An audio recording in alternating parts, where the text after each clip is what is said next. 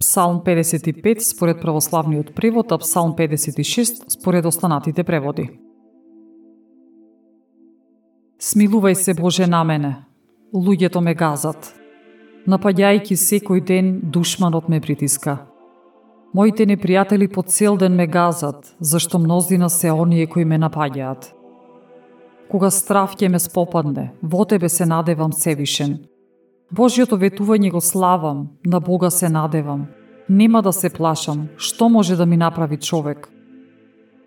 Секој ден ги извртуваа зборовите мои, сите нивни мисли упатени против мене се зло. Се собираат и се кријат, ги наплјудуваат чекорите мои, упорно работат против мојот живот. Плати им за нивниот злочин, со гнев Боже собори ги народите. Ти ги броеше моите маки, солзите му ги собираше во мешина.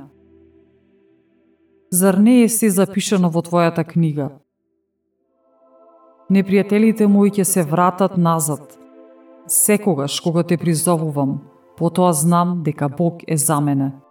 Божиото ветување го славам, се фалам за зборот Господов.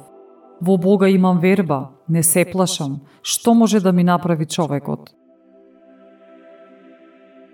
Ме обврзуваат да Боже ветувањата што ти ги дадов. Благодарствени молитви ќе ти упатам, зашто ти ја избави душата моја од смрт, а и нозете мој од сопнување, за да одам пред Бога во светлината на живите.